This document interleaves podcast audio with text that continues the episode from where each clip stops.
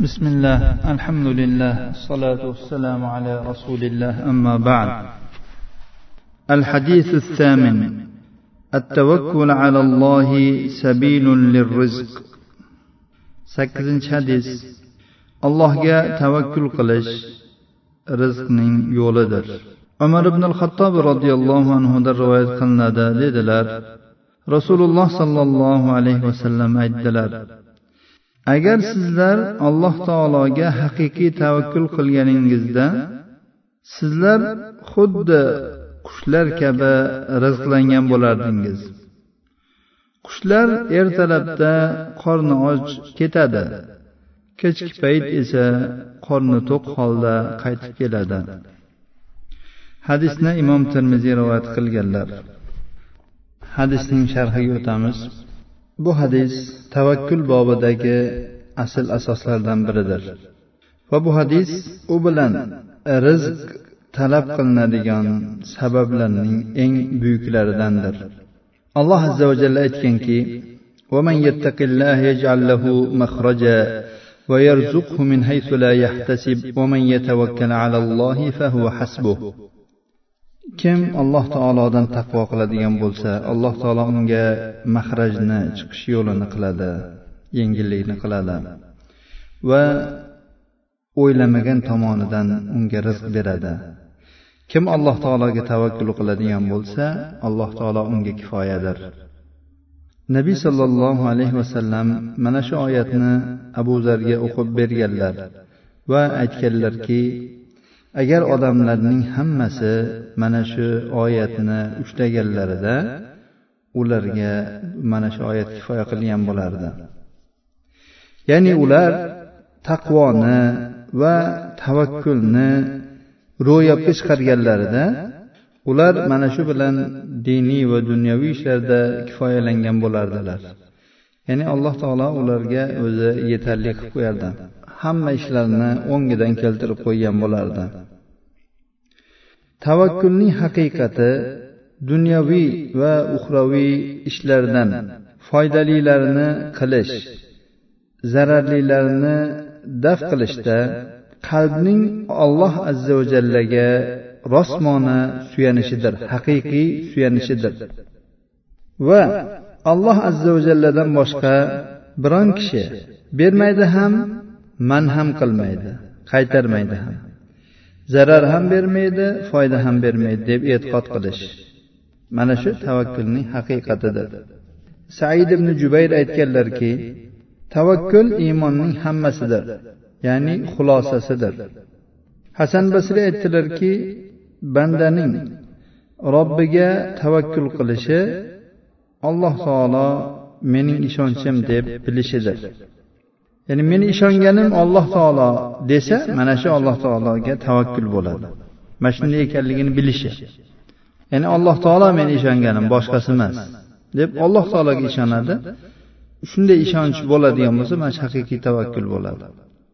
Ibn abbos rivoyat qilgan hadisda kelganki nabiy sollallohu alayhi vasallam dedilar kimni odamlarning eng kuchligi bo'lish xursand qiladigan bo'lsa alloh taologa tavakkul qilsin. Nabiy sollallohu alayhi vasallamdan rivoyat qilinganki u zot duolarida aytardilar ey parvardigor men sendan o'zingga haqiqiy tavakkul qilishni so'rayman. Yana bir boshqa duolarda aytardilarki ey olloh meni o'zingga tavakkul qilgan va sen unga o'zing kifoya bo'lgan bandalaringdan qilgin. Endi shu yerda aytib o'tish joizki tavakkulning haqiqati sabablarni ushlashga zid emasdir. A'zolar bilan sabablar ortidan harakat qilish alloh taologa toat ibodatdan hisoblanadi. Qalb bilan alloh taologa tavakkul qilish alloh taologa iymon keltirishdir. Alloh taolo aytganki ey iymon keltirganlar ehtiyotlaringizni qiling. Va yana boshqa bir oyatda aytganki sizlar dushmanlarga qarshi qo'llaringizdan kelgancha imkon qadar kuch quvvat yig'inglar. Boshqa bir oyatda aytganki qachonki sizlar namozni o'qib bo'lsangiz yer yuzida tarqaninglar va alloh taoloning fazli marhamatini izlanglar. Ya'ni alloh taoloni rizqini izlanglar.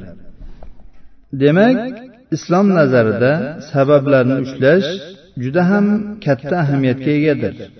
Mana shu alloh subhanahu va taolo uhud g'azotida musulmon jamoa dars olishi o'rganishini xohlagan haqiqatdir.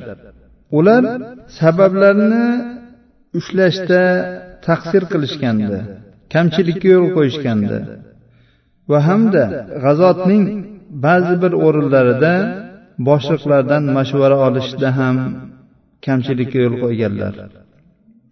Bu musulmon jamoat ba'zi bir holatlarida munosib vositalarni ushlashlikda kamchilikka yo'l qo'ygan paytda va mening musulmon bo'lishim hatman nusratga ya'ni g'alabaga erishishimni taqozo qiladi deb tushunib qolgan paytda alloh subhanava taolo bu musulmon jamoaga aytdiki أولما أصابتكم مصيبة قد أصبتم مثليها قلتم أن هذا قل هو من عند أنفسكم uhud kunida sizlarga musibat yetib mag'lub bo'lgan paytingizda sizlar badrda bundan oldin mushriklarga bu kabi mag'lubiyatni ikki barobarini tottirgandingiz.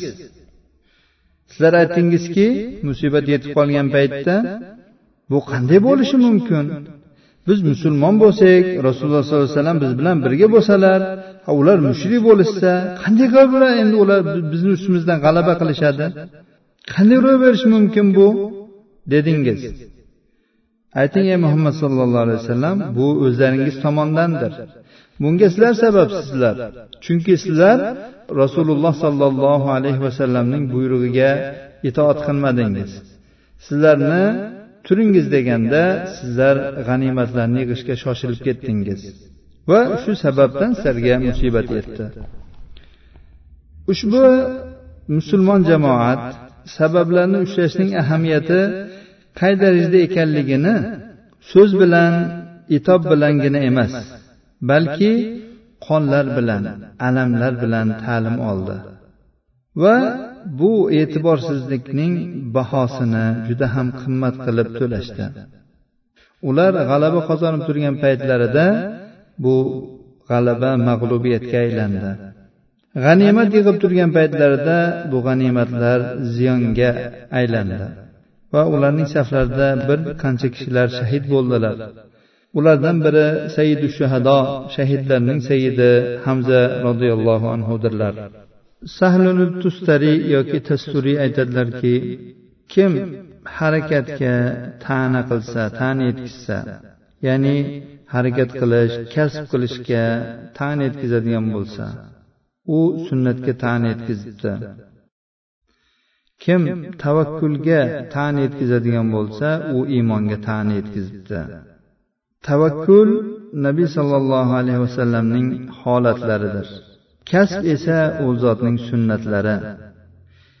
Kim rasululloh sollallohu alayhi vasallamning holatida amal qiladigan bo'lsa u rasululloh sollallohu alayhi vasallamni hech qachon sunnatini tark qilmasin.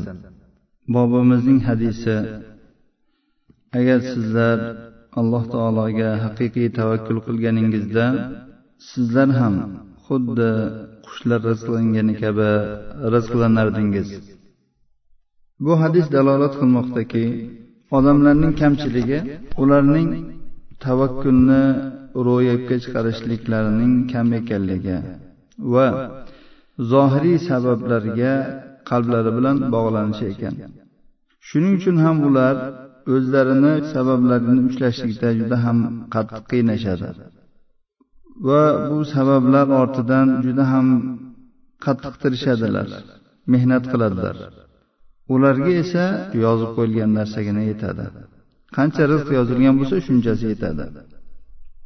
Ular alloh taologa bo'lgan tavakkulni so'zlari bilan ro'yobga chiqarganlarida edi ularga rizqlari o'zi arzimagan sabablar tufayli ham oqib kelardi. Xuddi qushlarga rizqlari ertalabda chiqib kechki paytda qaytib kelishliklari bilan shu bir chiqib kelishlari bilangina yetganiga o'xshash ularga arzimagan sabablar bilan ham ularning rizqlari kelgan bo'lardi.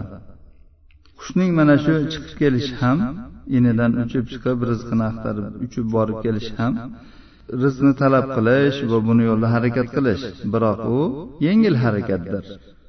Jobirning nabiy sallallohu alayhi vasallamdan rivoyat qilgan hadislarida kelganki biror jon to rizqini to'la qilib bo'lmagunigacha vafot etmaydi. Alloh taolodan taqvo qilinglar va rizqingizni chiroyli talab qiling. Halolini oling haromini tark qiling. Salaflarning ba'zilari dedilar tavakkal qiling. Sizga rizqlaringiz hech qanday qiyinchilik va mashaqqatsiz o'zi keladi. Sonim abiljad aytganlarki men iso alayhissalomdan rivoyat qilingan ushbu rivoyatni eshitganman. Iso alayhissalom aytar ekanlarki olloh uchun amal qilinglar. Qorinlaringiz uchun amal qilmanglar. Qorinlaringiz uchun ishlamanglar. Dunyoni oshig'idan ham ehtiyot bo'linglar ortiqcha dunyo topishga haris bo'lmanglar. Dunyoning ortiqchasi azobdir yoki kirlikdir. Mana bu osmondagi qushga qarang. U ertalab chiqib kechki paytda iniga qaytyapti. U bilan rizqidan biror narsa birga emas. Hech narsasi yo'q. U ekin ekmaydi ekinni yig'maydi. Va lekin alloh taolo uni rizqini beraveradi. Agar sizlar bizni qorinlarimiz qushlarni qorinlaridan kattaroq deydigan bo'lsangiz mana bu vahshiy mollar va vahshiy eshaklar ular ham ertalabda turib ketadi va kechki paytda qorin to'q qaytadi. Chiqib ketayotganda u bilan rizqidan biror narsa bo'lmaydi. U jamg'arib qo'ygan bo'lmaydi rizqini. U ekin ham ekmaydi ekin ham yig'maydi lekin alloh taolo unga rizqini beraveradi. Bu rivoyatni ibn abi dunyo rivoyat qilganlar. Rasululloh sollallohu alayhi vasallamning agar sizlar alloh taologa haqiqiy tavakkul qilganingizda degan so'zlarning ma'nosi ya'ni sizlar bir ishni qiladigan olloh beradigan ham olloh man qilib bermay qo'yadigan ham olloh ekanligini aniq bilsanglar degani. Ya'ni alloh taolodan boshqa birontasi bu ishlarni qilmaydi. Ana undan keyin esa sizlar sabablarni ushlash bobidan tirishchilikka harakat qilasizlar. Bu sabablar haqiqiy natijani beradi mana sabablargina ishni hal qiladi deb emas. Sabablarni ushlash ibodat va toatdir va hamda alloh taolo taqdirib qo'yib qo'ygan narsaning natijasini ro'yobga chiqarishdir. mana shu tushuncha bilan mo'minning his tuyg'usi sabablarga qul bo'lish va unga bog'lanib qolishdan ozod bo'ladi. ana shu paytda u xuddi qush kabi rizqlanadi. Mo'min maqsad yerni va uning asboblarini bee'tibor tashlab qo'yish emas ekanligini yaxshi idrok qiladi. Chunki u ya'ni mo'min bu yerni tiriltirish va uni obod qilishga mukallaf bo'lgan. Haqiqiy maqsad odam o'zini yerga bog'lab qo'ymasligidir va shu yerni obod qilaman yerda ishlayman deb alloh taolodan ham g'aflatda qolmasligi kerak. U yerda ishlar ekan tinmasdan ko'zini osmonga tikib turadi ya'ni alloh taolo bilan bog'lanib turadi. Va sabablarni ushlaydi.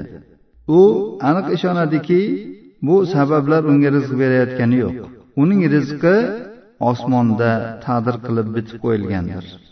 Alloh subhanahu va taolo qur'oni karimda aytganki وفي السماء رزقكم وما توعدون فورب السماء والأرض إنه لحق مثل ما أنكم تنطقون sizlarni rizqingiz osmonda lavhul mahfuzda bitib qo'yilgandir sizlarga va'da qilingan hamma narsa bitib qo'yilgan yeru osmonning robbiga qasam bu sizlarga va'da qilinayotgan narsa sizlarning rizqingiz va sizlarga va'da qilinayotgan narsalar osmondadir. Ya'ni lavhul mavuzda bitib qo'yilgandir. Yer osmon robbiga qasamki sizlarga va'da qilinayotgan narsa albatta haqdir. Xuddi sizlar gapirayotgan gaplaringizga qanchalik ishonsanglar qanchalik buni haqiqatini bilsanglar mana shunchalik bundan ham ko'ra haqroqdir haqiqiy musulmon kishi iymonining aqidasining bir bo'lagi bo'lgan tavakkul haqiqatini yaxshi tushunadi. Va mana shu tushunchaga ko'ra mana shu g'oyaga yetishlik uchun asboblarni sabablarni ushlaydi. Rizq sabablarini harakatlar va hokazolarni ushlaydi. Demak musulmon tushunchasidagi tavakkul bu ishni alloh taologa topshirish. Xotirjamlik va bosiqlik bilan shoshmasdan haddan oshmasdan amal qilish va alloh subhanahu va taolo xohlagan narsa bo'ladi. u xohlamagan narsa bo'lmaydi. alloh subhanahu va taolo yaxshi amal qilganlarni amalni zoyi qilmaydi degan narsaga qat'iy e'tiqoddir. mo'min rizqiga xotirjam bo'lib yashaydi chunki rizqlar alloh taoloning kafolatida. Alloh taolo esa va'dasiga xilof qilmaydi va bandasini zoya qilib tashlab ham qo'ymaydi. Holbuki alloh taolo hali inson talab qilmasdan turib inson uchun yerni gilamdek qilib to'shab bergan va bu yerga qut baraka bergan bu yerga tirikchilik asboblarini yaratib qo'ygan. Bandalariga rizqlarini albatta beraman deb kafolatlab va'da qilib qo'ygan. Va bu narsani qayta qayta qur'oni karimda takrorlagan. Hattoki alloh taolo bunga qasam ham ichgan. Aytganki yer yuzidagi biron bir hayvon borki albatta uning rizqi alloh taoloning zimmasidadir. Qancha hayvonlar borki ular xuddi bani odam qilayotgandek ertangi kuni uchun oziq ovqatini saqlab qo'ymaydi. Alloh taolo ularning ham sizlarning ham rizqingizni beradi. Alloh taolo eshituvchi va biluvchi zotdir. Mana shu berilgan kafolatlar bilan mo'min o'z hayotini rizqiga xotirjam bo'lib va alloh subhanahu va taolo uni hech qachon ochlikdan halokatga yo'liqtirmasligiga xotirjam bo'lib yashaydi. Alloh subhanahu va taolo inlaridagi qushlarni sahrolardagi vahshiy hayvonlarni dengizlar qa'rida baliqlarni toshlar ichida qurtlarni rizqini beradigan taomlantiradigan zotdir.